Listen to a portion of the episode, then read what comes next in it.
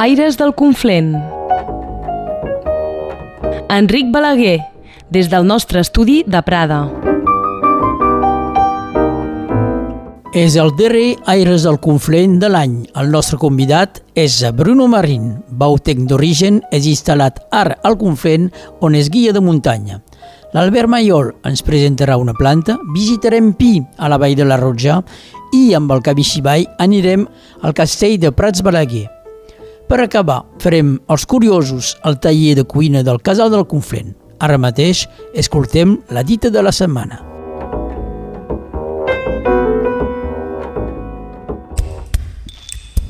Qui dita passa, any empeny. Zoe Bosch Sardans.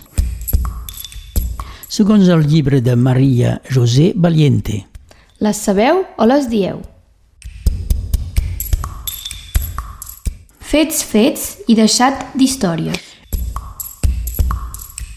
Es diu quan es demana anar als fets concrets i deixar-se d'explicar rotllos i raons que no sembla justificar el que està passant. El nostre convidat avui a Aires de Conflent és en Bruno Marín. Bruno Marín, bon dia. Bon dia a tothom.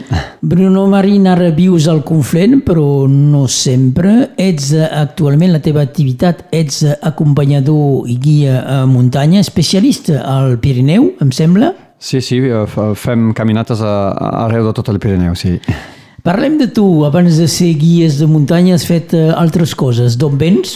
no ets del Conflent, d'on vens? Bueno, no molt lluny, vaig néixer al Riberal, doncs a Perpinyà directament, i després eh, de tota la vida, fins a que tingués 18 o 20 anys, eh, vaig viure doncs, al poble de Bau, al Riberal. És un bautenc. Sí, un bautenc. Molt bé, doncs bé, la pregunta que faig a gairebé tots els convidats, eh, com definiries el Conflent?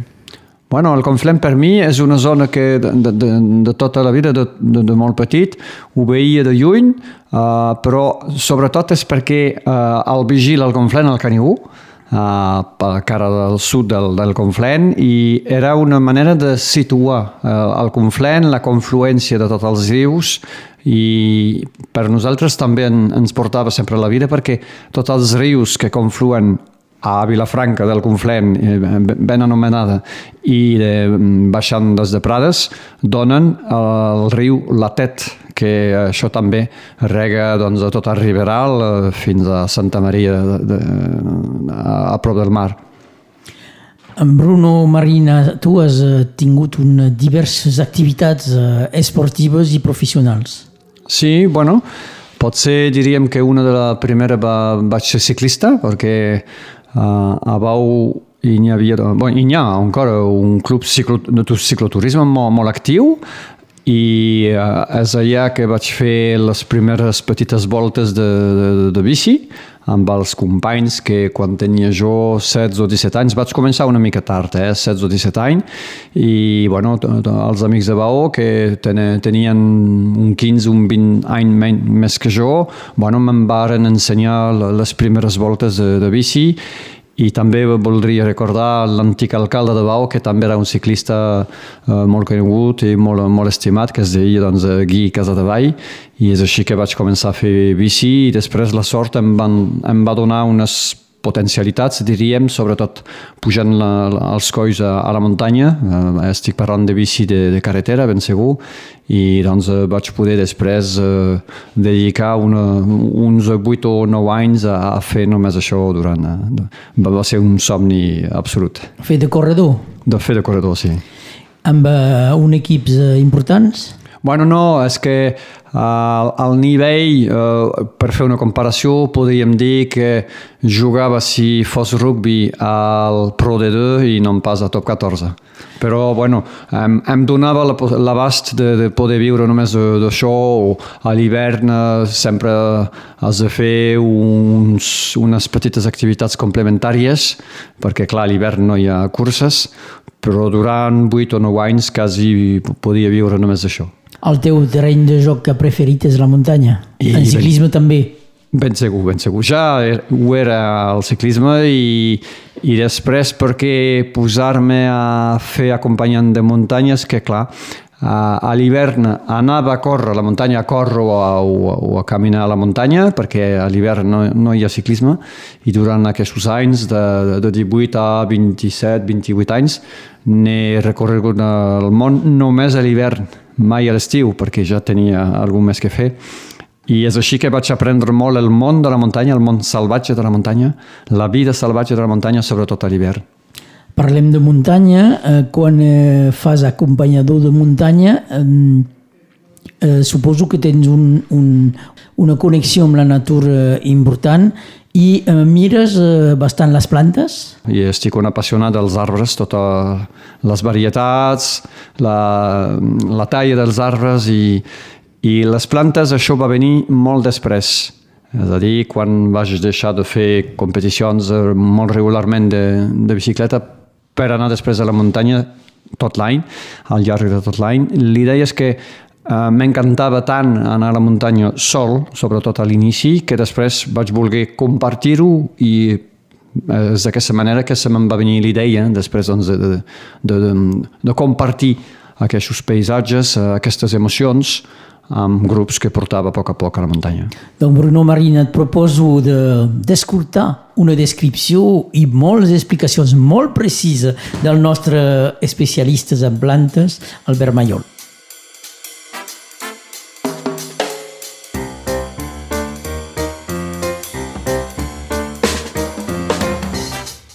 Plantes de Conflent.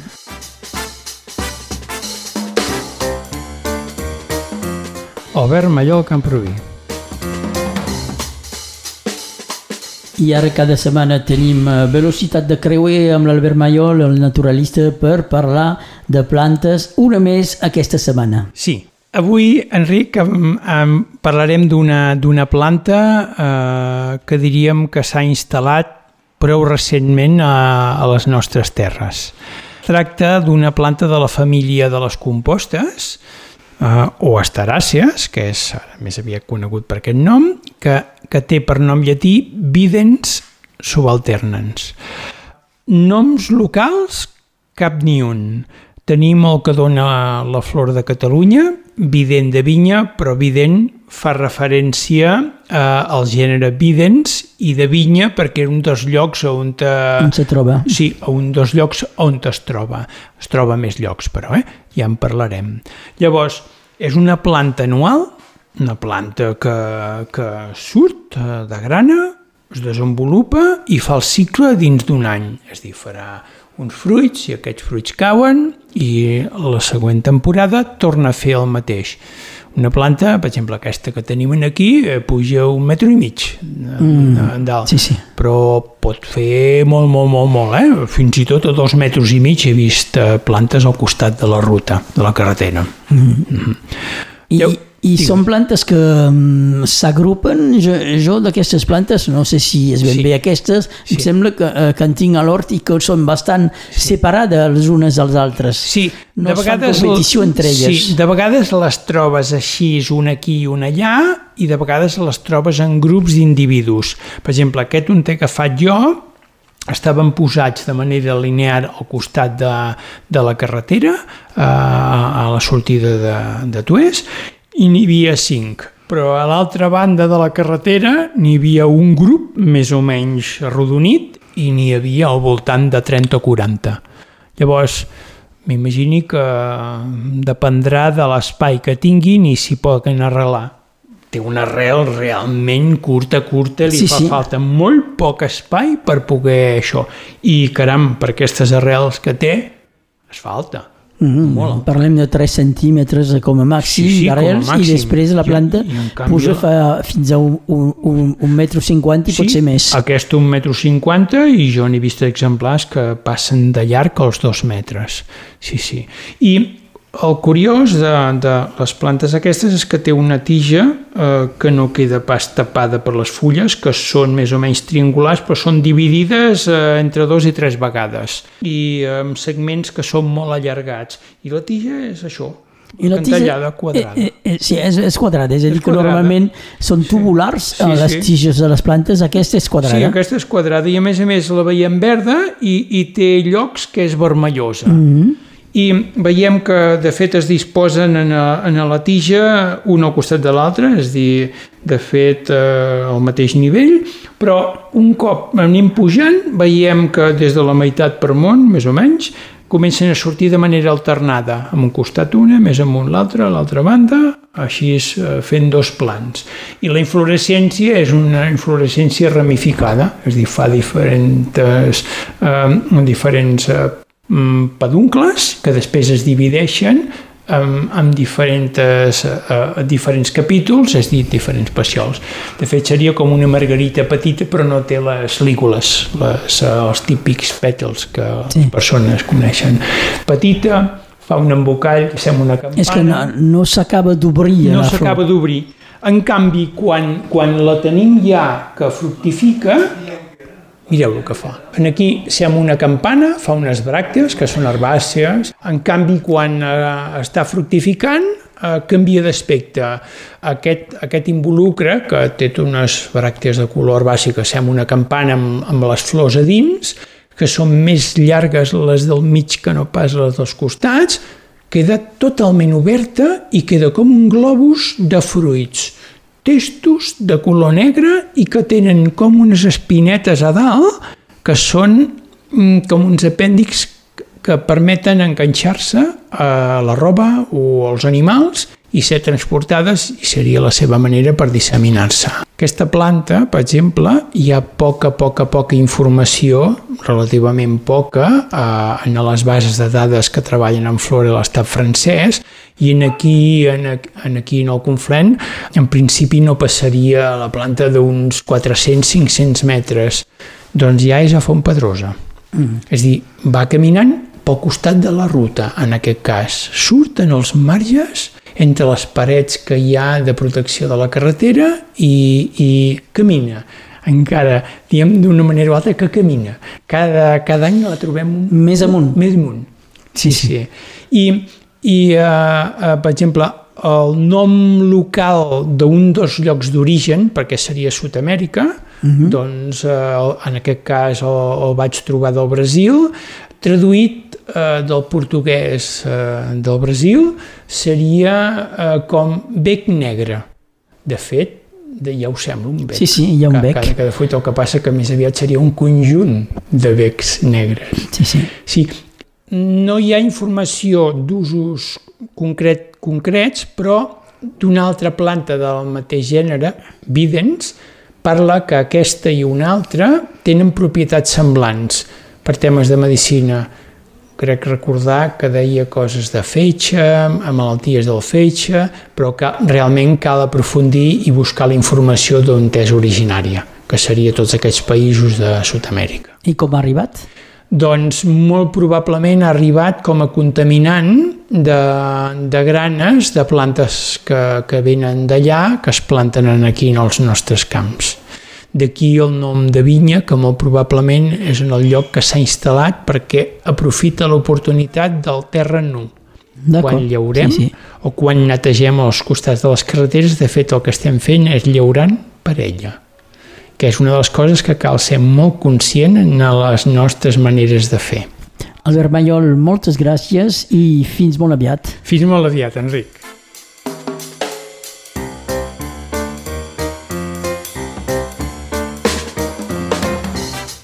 Albert Mallol Camproví.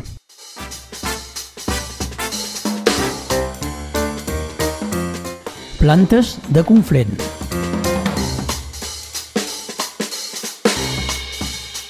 El nostre convidat avui a Aires de Conflent és en Bruno Marín. Bruno Marín, que és un bautenc exiliat és una mica fort la paraula, que viu actualment eh, al Conflent, és cap d'empresa de l'empresa Randonada, que ens descriurà ell mateix. Treballen en el món de l'excursionisme. Bruno Marín?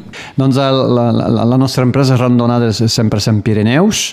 La vam muntar al, al, a l'inici dels anys 2000 L'idea era de fer un agrupament d'acompanyants de, de muntanya i després que tothom vulgui eh, anar a lo mateix, és com si llances una, una barca a, a l'aigua i després qui vol agafar per anar a fer rems eh, tots junts. Eh, això va ser l'espírit, no hi ha capità, Uh, tothom, en, en funció de les seves competències, fa la, la, la seva feina i doncs, de, des de més de 20 anys ara ens dediquem a organitzar el que es diu uh, paquets, eh, forfet tot inclòs, uh, circuits de senderisme d'una setmana aproximadament, uh, tots. Uh, són, la majoria són travesses o a vegades pot ser un circuit estrellat i quan anomenem això un paquet tot inclòs, això vol dir que el preu que, que paga doncs, el caminant és un preu que inclou l'allotjament, el transport d'equipatge si hi ha, si és a alta muntanya, clar, en aquest cas no hi ha, i també el guiatge doncs, eh, físic d'un de, dels eh, nostres guia de, de la colla o també es diuen això randonner, eh, excursió amb llibertat, llibertat en el sentit de que no hi ha guia, no hi ha grups. Li donem al client doncs, una, una topoguia que, que hem escrit nosaltres. Si fos grups amb guia que portem nosaltres, en aquest cas el mínim és de 4 i el màxim és de 12, això vol dir que són grups de, de, de petit tamany, eh, no, no volem pas fer uh, grans grups per, a, per anar a la muntanya i després l'altre aspecte que és molt important als nostres ulls és que hi ha molta pedagogia. Tots els guies Uh, si anem a fer una excursió al País Basc, serà un guia d'allà. Si anem a l'Aragó, intentem que sigui un guia aragonès o que hagi viscut, que conegui molt bé la zona, això amb un àmbit de cultura i de tradicions, però també uh, en el respecte de, del medi ambient. Per acompanyar bé, uh, un altre aspecte és que quan es puja, per exemple, a la muntanya, a partir de 10, 1 de 12, hi pot, hi pot haver també grups de nivell físics, però si hi ha més gent, sempre cau que hi ha 3 o 4 que fan un petit grup enrere o, o 3 o 4 que van més ràpid que, i després és complicat de gestionar. D'on venen els clients? Uh, durant anys i anys vam treballar, personalment jo vaig treballar amb més de 75 nacionalitats diferents del món, però ja fa més de 10 anys que deixem de, de portar gent que vinguin de, de molt lluny. Teníem dret i podíem incloure circuits amb avió, podíem programar la cordillera de les Andes o, o anar a Marroc per fer el Tubcal o a Nepal i des de l'inici no vam voler. Eh? Sempre vam voler fer caminates que siguin bastant a prop, sense incloure eh, l'avió. I això des del 2000, eh, és pas perquè sigui de moda ara. Ja fa 12 o 13 anys hem deixat de treballar amb turoperadors de molt lluny, perquè si el, els clients haguessin de venir agafant l'avió per arribar fins aquí a Perpinyà o a Barcelona o a Toulouse o el que sigui, això també eh, ho hem deixat de fer. Això retalla una mica el negoci, però bueno, fa part de, de, de les nostres trilles. Uh, fa poc encara tinc un, un turoperador de, dels Estats Units que ens uh, demanen de fer pressupost, un circuit, etc perquè volen descobrir els Pirineus i la nostra contesta ara és de dir però hi ha muntanyes molt maques eh, també allà a casa vostra aneu a les rocoses, a les roxeses aneu i deixeu d'agafar l'avió per venir a visitar els Pirineus En els productes teniu la travessia completa del Pirineu? Sí, sí, sí, clar. Uh, això, uh, randonada 100% Pirineus, era imprescindible de programar uh, la travessa des de l'oceà fins al Mediterrani. Això sí, i es fan vuit setmanes. Això era la meva pregunta. Vuit setmanes? Sí, perquè són aproximadament... Clar, Dos mesos.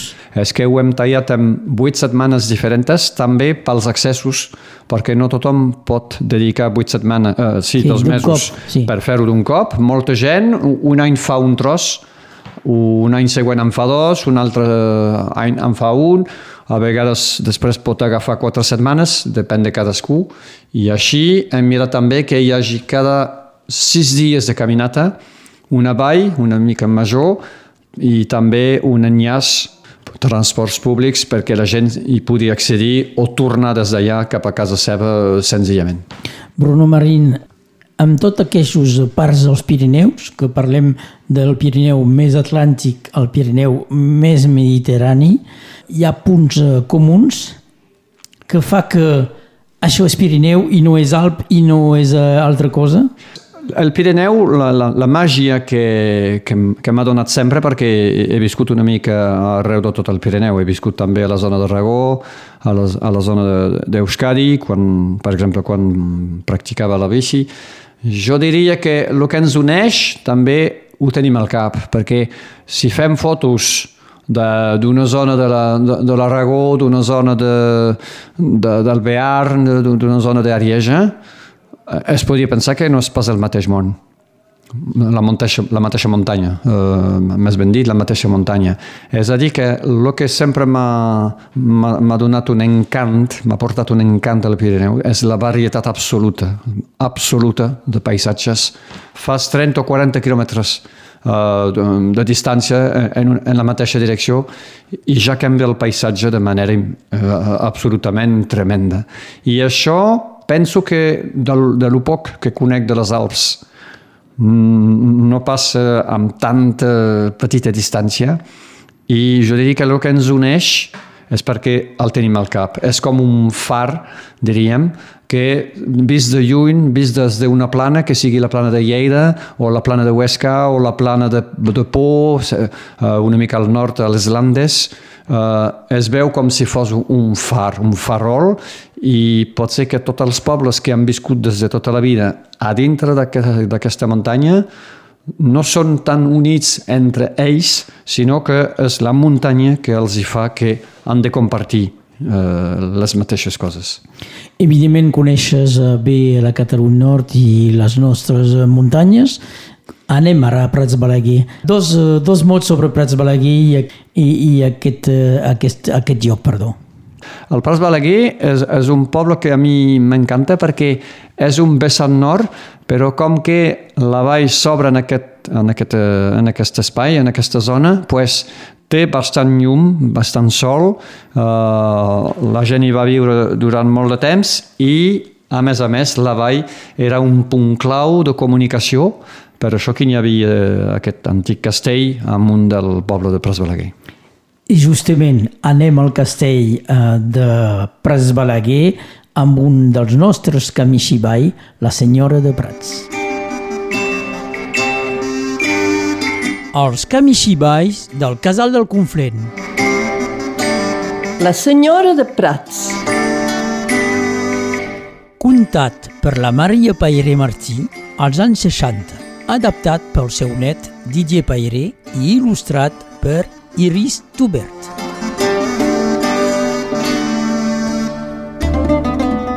Ralet, ralet, ralet, pic un souet. Ralet, ralet, pic un souet. La Maria feia pessigolles al clot de la mà del nin que s'esclafia de riure. Encara, padrina! Mai n'ets fart d'això. Me sembla que seria hora d'espertinar. Tens pas gana? Sí, un xic. Me podes fer una llesca de pa amb mantega i sucre, si plau? Mentre el nin devorava el seu pa com una flam, la padrina se l'espiava, pensativa. El nin se'n va adonar. Que tens, padrina? En què penses? Me venen coses al cap acaba de menjar i t'ho explicaré. Quan eri petitona, a Fontpedrusa, ma mare, que tothom li deia la maneta, raccontava sovint històries del temps abans. Me recordi de les llargues vetllades d'hivern a la vora del foc. Hi havia pas electricitat en aquells temps. Fèiem llum amb tesa, trossos de pins resinosos que posàvem a la llumenera. Te feia una fumatera terrible. Ma mare explicava sovint la mateixa llegenda. Veieu-la son sentida cent cops. La de la senyora de Prats. Me la podes contar, padrina?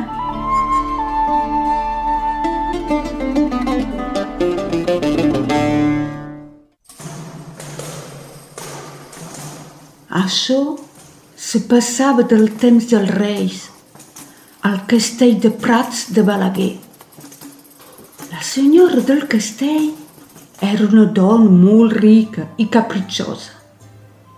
Era viuda, tenia força criats i criades i, sobretot, un munt de bestiar, bous, vaques i vedells, que pasturaven del banc d'Aumet o al peu del castell.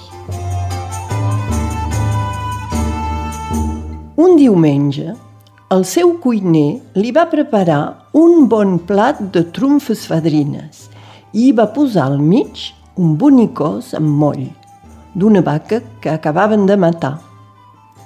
La senyora era un poc refastinyosa. Li agradaven els plats delicats. Aquesta cosa muixa i gelatinosa li feia pas massa goig, me tenia gana. La va tastar. Quan se'n va haver ficat un trosset dins la boca, els seus ulls se van posar a birbillejar. Els va tancar i un aire contentament li va irradiar la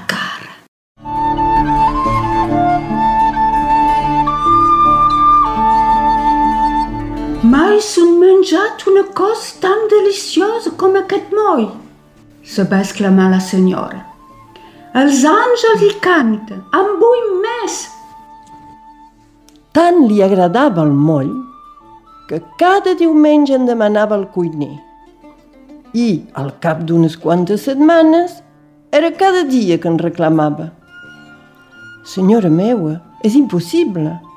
Per això caldria sacrificar una vaca cada setmana. Podem pas. Si en cal matar una cada setmana, mateu-la. Jo vull menjar moll de l'os. És una menja tan gustós i tan delicada. Mi senyora meua, és un ordre, i prou. I cada setmana, al castell, se matava i s'escorçava una vaca o un bou per a satisfer els capricis alimentaris de la senyora. Senyora meua, el vostre ramat va disminuint de manera inquietant. Tenim pas pus bous i les vaques són poques. Mateu també els vedells. Vull menjar el moll de llurs ossos. Com són més joves, deu ser encara més exquisit. Cal dir que en aquella època les bèsties eren la principal riquesa de la muntanya. Ben segur, al cap de poc, va pas quedar res pus de l'imponent ramat de la senyora de Prats. Veneu les terres, veneu els mobles, els tapissos, els candelers i les meues joies, si cal. I crompeu d'altres animals. Vull menjar moll de l'os i encara més moll de l'os. És tan saborós. Inexorablement, el castell se va buidar de les seues riqueses. Els criats i les criades eren pas més pagats i tothom se'n va anar a poc a poc. En últim recurs, la senyora va fer vendre les portes de fustes i les bigues de les teulades per crompar més vaques i menjar més moll. Tan rica i envoltada com havia estat, la senyora de Prats va acabar sola i pelada com una geneta. Va tinguer d'abandonar el seu castell, que sense portes i sense sostre era obert al vent, a la pluja i al torb. Sense un ralet, va baixar cap a la vall on va viure d'almoina, com una captaire passant de mas en mas per demanar la caritat. Un dia que la senyora arruïnada pidolava quelques monedes o una coseta per menjar a la saïda de l'església de Vilafranca, una dona se li va acostar i li va donar un crostó de pa amb unes nugues obertes. Tasteu això, senyora. Era una de les antigues criades del castell de Prats. I la perdulari s'ho va menjar amb uns ulls meravellats. Si mai haguessi sapigut que el pa amb nugues era el millor de tots els plats, encara seria la senyora de Prats.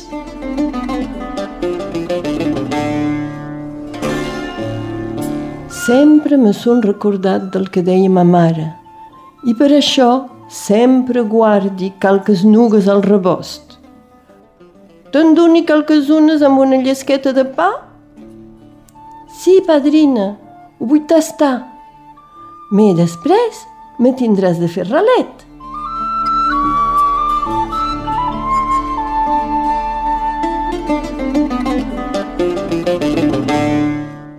Ralet, ralet, pic un suet. Ralet, ralet, pic un suet.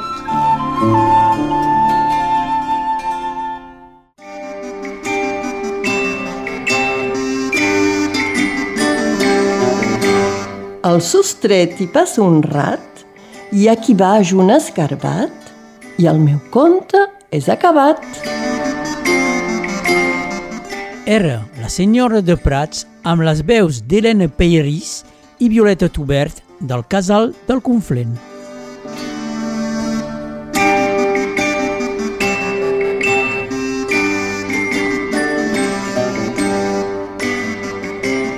Hem anat ara a Prats Balaguer amb la bonica llegenda de la senyora de Prats i, evidentment, un lloc que coneix ben bé el nostre convidat eh, d'avui, en Bruno Marín, que és eh, guia de muntanya.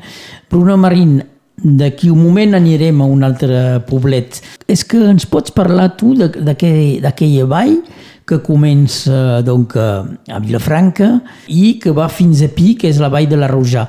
M'entens? Expliquem-ho, no és pas la mateixa vall, encara que sigui la mateixa carretera.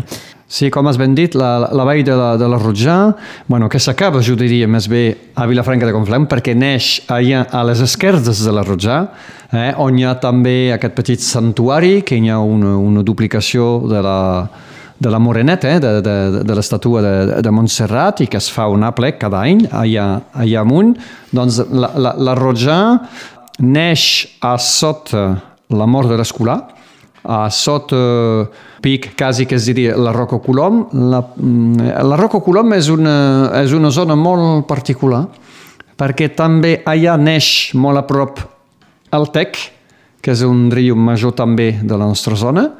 També neix el Mantet, que acabes de dir que la particularitat d'aquesta carretera que puja des de Vilafranca fins al Coll de Mantet deixa de la vall de la Rotjà al Coll de Mantet i quan baixem al poble de Mantet ja és vall de Mantet i el Mantet neix també doncs, al Pla de Camp Magre, allà amunt, molt a prop també de la Roca Colom, però aquesta Roca Colom també és punt de, de, de naixement, diríem, d'un altre riu molt important, que és molt a prop, que és el riu Uh, bueno, es passa exactament l'ull de Ter, però no molt lluny neix el Ter també.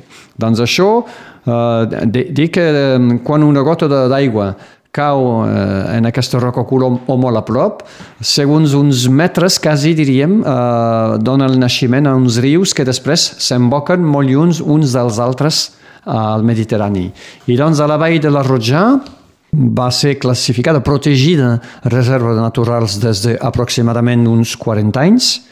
Jo me'n recordo de, de nen, vam anar a manifestar al Coll de Mantet, estic parlant dels anys 78, alguna així, no me'n recordo ben bé, per eh, evitar que es fessi una estació d'esquí a la zona de Mantet, de Pi, del Pla Segalà, o pot ser més amunt del Pic de la Dona, i ja n'hi havia aquesta voluntat de protegir la muntanya, mm. i per això es, eh, eh, es van muntar les reserves naturals primer, doncs, eh, bueno, no hi ha hora, però de, de Prats de Molló, de Pi, de Mentet i després de Nier, i és un vall on hi ha, bueno, a prop de Pi, sobretot, molt boscosa, i molt protegida, molt, diríem, tapades en el bon sentit. És a dir, hi ha petits detalls molt amagats, oris, feixes, que són uh, mostres de la vida antigua que hi havia, Però si mirem bé, si anem, a, si ens endinsem al bosc, podíem veure molts detalls arqueològics o, o més recents, molt interessants de la vida d'abans. Bruno Marina ara et proposa que de visitar el vilatge de Pi amb eh, un personatge important de Pi, que és l'antic eh, batlle de Pi, que és en Gerard Rabat. I anem a Pi. La setmana passada hem començat la visita de Pi de Conflent amb el Gerard Rabat. A l'Ajuntament va recuperar la clau de l'església Sant Pau, una clau de ferro impressionant d'uns 30 o 40 centímetres de llargada.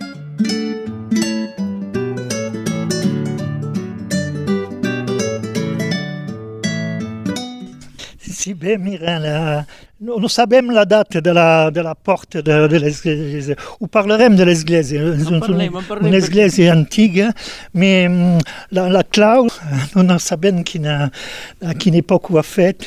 És el problema de, de les coses de ferros, perquè sovint dins una església hi ha, hi ha el nom de l'home, del pentre o de, que, que, que ha fet la, el retable, retaule, tot això, però quan, quan dins una església hi ha coses que, que són fetes amb ferro, perquè nosaltres aquí també hi havia una farga, aquí al cimenteri hi ha, hi ha, hi ha creus molt, molt, molt, molt guapes, però no sabem a, qui- a quina data eh, ho, ho han fet això. Donc per arribar a l'església eh, cal eh, posar una, uns escalons donc sentim donc, el portall. Eh, l'església és, és gairebé a dalt de tot, eh? domina una mica el vilatge. Sí, bé, sovint di- dins l'església nosaltres tenim la, el monument al- als morts eh, de, la, de la guerra de, de 14-18. I mira, com per tot arreu, eh, hi ha una llista que és important. Una llista que és important, 14-18 potser hi havia 400-500 habitants. Aquí no, a la- a a l'època de, de, l'inici de la- del segle XX, hi havia 200, 250 habitants. Va caure a poc a poc, eh? Mira, arribem. A la plaça Sant, eh, Sant Pau hi ha una, una pancarta que, que diu els mil anys de l'església. Sí, és això. La- L'església va, va ser inaugurada al 1022, el 14 d'octubre 1022, i doncs l'any passat feia el mil·lenari. I va venir uh, l'arquebisbe, disons, bisbe de Perpinyà, que era, que era anomenat uh, arquebisbe, i abans d'anar a, a Montpellier, va venir, va venir fer la- la- l'inauguració de la festa i de l'hi- aquesta inauguració del, del segle el 1022. La consagració s'ha fet al 1022. I si abans hi havia una església antiga, va eixamplar la, la, la, l'església i l'originalitat és que va, va, va ser original per, la, per una, l'arquebisbe de, de Narbona a l'època, que era el fill del, del comte Guifré II, el, el comte que ha creat Sant Martí del Canigó. I l'originalitat és que normalment eh, amb, amb la, a la consagració sempre hi ha el bisbe de, del lloc i doncs nosaltres ma, funcionem, a l'època funcionem i funcionem ara amb, eh, amb Elna, eh, Elna Perpinyà. I mm, el bisbe de Perpinyà Uh, va, va ser va, en peregrinació a Roma a l'època i és el, uh, és el bisbe de Vic que va venir i el, el bisbe de Vic de l'època era l'abat Oliva i donc era original de, de tenir la, la, la presència de l'abat Oliva perquè hi ha poc d'esglésies que van ser, va ser uh, consagrada per, per l'abat Oliva era una, una, una cosa molt, molt interessant per a nosaltres Entrem, doncs, eh? eh?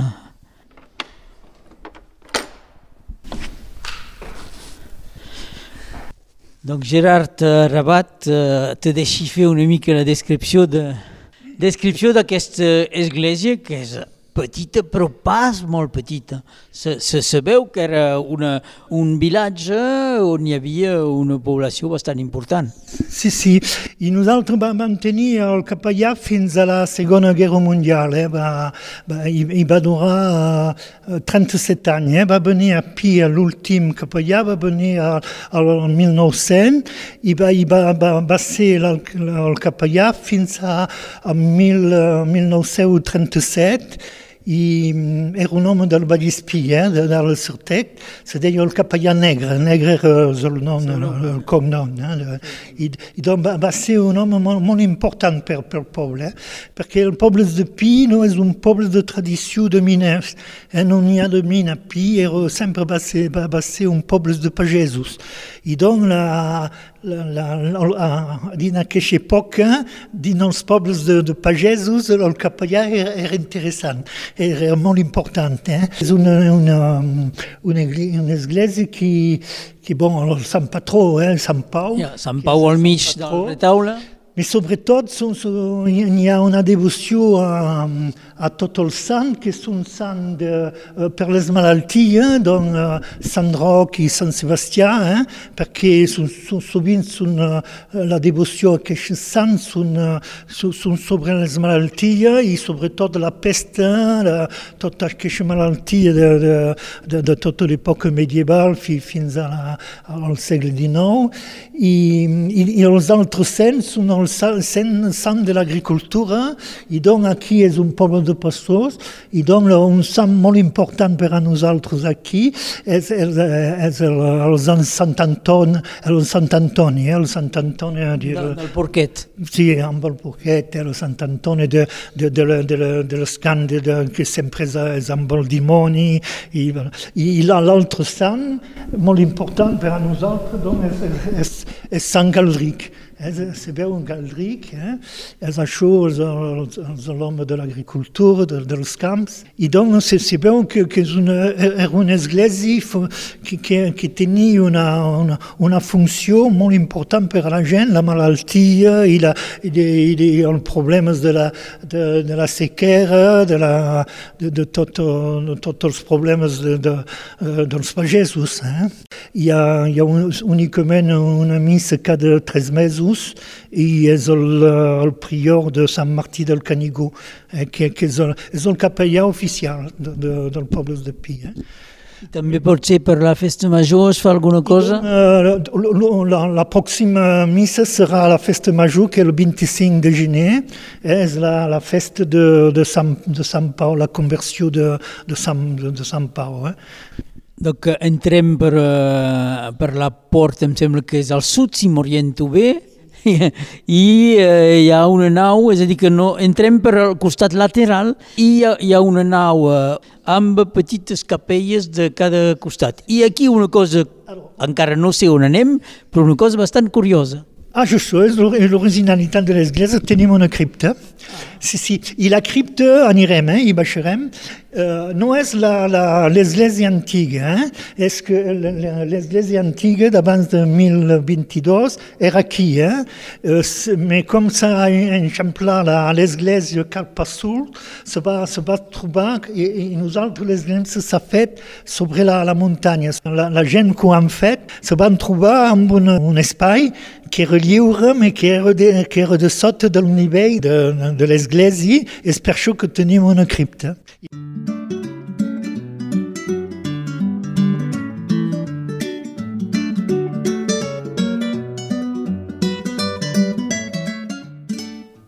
Continuarem amb el Gerard Rabat al proper episodi, però no anirem directament a la cripta.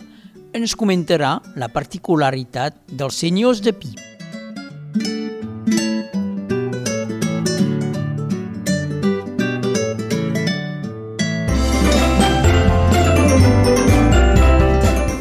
El Casal del Conflent organitza tallers de cuina. Vam anar a veure què s'hi feia allà. Avui estem al taller de cuina del Casal del Conflent a l'Hostal de Nogarols. Potser tenim una vintena de, de mans que, que treballen i un dels estigadors, el que cerques els menús, eh, sovint és en Didier Pairé. Didier, què tindrem a, a migdia? Avui tindrem uh, unes petxarines en, en una petita cassoleta amb gambes i pagelines i musclos. Després tindrem cuixes de pioca farcides. Això serà acompanyat d'un gratinat delfinès. I també d'espinacs. La que sentiu ara és la hogueta que s'implica molt en aquest taller. Per postre tindrem un pastís que, que se diu l'èxit avellanes. Sí, que és l'especialitat de la Kiki. Eh, Cristina, bon dia. Bon dia. Tinc l'autorització de dir Kiki. Sí, sí, sí, és meu. Molt bé. Poses a disposició el teu establiment per a aquest taller. Sí. Per tu, què, què representa? Molta a- amistat, échange, mm, fem com, com a casa. Cada, cada dona, cada home uh, uh, dona una idea, partegem. I eh, és... Uh, També, a vegades eh, ens empipem una mica, tot, eh? Una mica, eh? Arriba, eh, això. cuina, cal uh, escoltar. Som bons i bones alumnes? oh, sí, fantàstic. I després tot això eh, ho menjarem, eh? Pocs homes, a part d'en Didier, eh, I en Patrick també, que és aquí, eh, bé, bé, ajudem, tothom ajuda a anar a fer cuina, eh, les petxerines, la, les moscles, tot això, i ara ho fem coure. tu a, a casa cuines? Sí, me, sí, sí, m'arriba de, de, de fer cuina, sí. Aquests eh, plats eh, són plats que coneixies?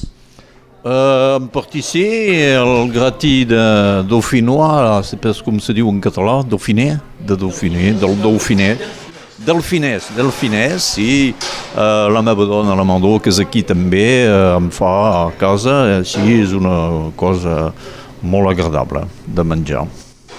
I parlem de cuina, però també, eh, aviam, ja anem, perquè cal, cal netejar també. Cal netejar tots els estris que serveixen per, eh, per cuinar. La Lídia no vol parlar, i, però és ella que neteja els plats, però només fas això. Home, també ajudo, també ajudo i també aprenc amb els altres. Ara fa temps que és aquí a Catalunya Nord, però a, a aquests eh, receptes són receptes que també se fan al sud. Sí, però totes no. Estic aprenent molt. Una cosa que caldria afegir, és a dir que la, la Kiki envia el menú amb les, receptes que són escrites en francès. Doncs jo faig la traducció en català, una primera, doncs això dona una primera recepta. Mais quan fem la cuina, nos adonem que la recepta escrita és mai el que se fa exactament. Doncs s'ha de- d'actualitzar, de, de, de posar detalls i al final dona la, la recepta veritable. També hi ha una qüestió de vocabulari, com dius, eh, petxarines. Petxarina és el que se'n diu la, la, la coquilla Saint-Jacques. Aquí al Rosselló és petxarina. Pagelines. Pagelina és el que en francès se diu petoncle. Mais pagelina és un, un mot d'aquí, de la costa. La costa d'aquí. D'acord, doncs que això hi ha algunes eh, dificultats eh, a traduir, potser pas dificultats, però en tot cas una mica de, de recerca. Uh, hi ha de cops que cal cercar perquè no sabem pas, ho hem descuidat com se, com se, se diuen les coses. Hem dit cuixes de pioca farcides. Veiem que tenim a dintre, tenim fetge gras, tenim fetge de biram, escalunya picada i eh, una mica d'armanyac, que no és eh, realment eh, una, un producte d'aquí. Sí, el, el podríem escriure art manyac, però no voldria pas dir la mateixa cosa. Us proposo que d'aquí un moment eh, parlarem amb la gent que començaran a dinar aquí un dia de desembre a l'Hostal de Nogarols, un antic restaurant que ha guardat les seves instal·lacions per fer aquest tallers de cuina i d'altres coses. La Kiki és també formadora professional a escoles de cuines i dona cursos de cuina de manera professionals. Donc retrobarem més endavant els eh, companys i les companyes que n'hi haurà molt més, eh, que, que vindran a menjar que no pas eh, aquí a la, a la cuina de l'Hostal Nogarols. Quan la preparació s'està acabant, comencen a arribar els comensals. Els que no han cuinat paren la taula i preparen l'aperitiu. Aquest dia érem més de 30. L'entrant està servit. Una cassoleta amb productes del mar. Demanem al rei un canadenc, què li sembla? Raimon, com heu trobat aquest primer plat, que, aquest entrant? pues deliciós, molt melós, amb múltiples sabors que surten, és molt subtil, intercanvi de, de sabors en la boca, és excel·lent. Arriba més endavant el plat principal, la cuixa de pioca farcida. És la Susana que ens fa de crítica gastronòmica. Ostres, és que és, és difícil de definir perquè és una sofisticació, una varietat, un... està tan bo, està boníssim.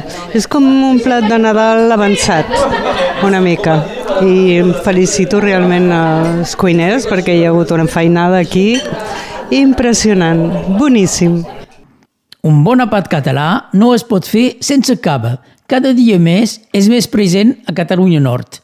Aquest dia, productors de caves, Caves Monells, han presentat els seus productes. És el segon any que veniu aquí al Casal del Conflent per portar vins i caves. D'on veniu? Portem cava que està feta a Sant Sadurní i després tota una gamma de vins, tot català. Tot el que tenim és, és nostre. Són vins eh, i caves eh, sovint amb una etiqueta especial. Sí, nosaltres etiquetem molt amb el tema de poder aconseguir la independència de l'estat espanyol i poder ser lliures. I això ens ha portat molts problemes, però estem aquí al peu del canó fent el, eh, vull dir, la nostra lluita pel nostre país. També aquest any una etiqueta una mica especial per eh, aquí al Casal del Conflent. Sí, ens van demanar que poguéssim fer aquesta etiqueta i amb molt de gust els hi hem fet i inclús l'ampolla i la xapa és del mateix disseny que ens van donar. Això pot servir als col·leccionistes. Exacte. Precisament eh, els col·leccionistes ens estan buscant vull dir, per les xapes i les etiquetes. Tenim, fem productes que són únics, eh, personals. I en aquesta ampolla feta pel Casal del Conflent, quina és la qualitat de cava que hi ha, que hi ha posat a dins? Sí, és el millor cava que fem nosaltres, és un brut reserva, criança de 5 anys, 5 anys que estan amb les mares, i aquest cava és el, és el que donem. Nosaltres, vull dir, sempre apostem per la qualitat. Per acompanyar el cava, els postres. O al contrari, per acompanyar els postres, el cava. Demanem a la Neus què pensa d'aquests postres. Excel·lents, estranys però excel·lents. La veritat és que primer pensava que serien més tous, com un pa de pessic. I no, és un torró. Boníssim, però un torró. I és cruixent. És cruixent, té l'avellana, a més, a dins no sé ben bé si és una crema de cacauet o d'ametlla, però li dona molt de sabor. I, efectivament, la crema final ja, això és per regalar-se. És un bon regal de postre. Els tallers de cuina del Casal del Conflent es fan cada dos o tres mesos. Si us interessa, us podeu apuntar contactant al Casal del Conflent i si voleu les receptes, les trobareu a casaldelconflent.cat.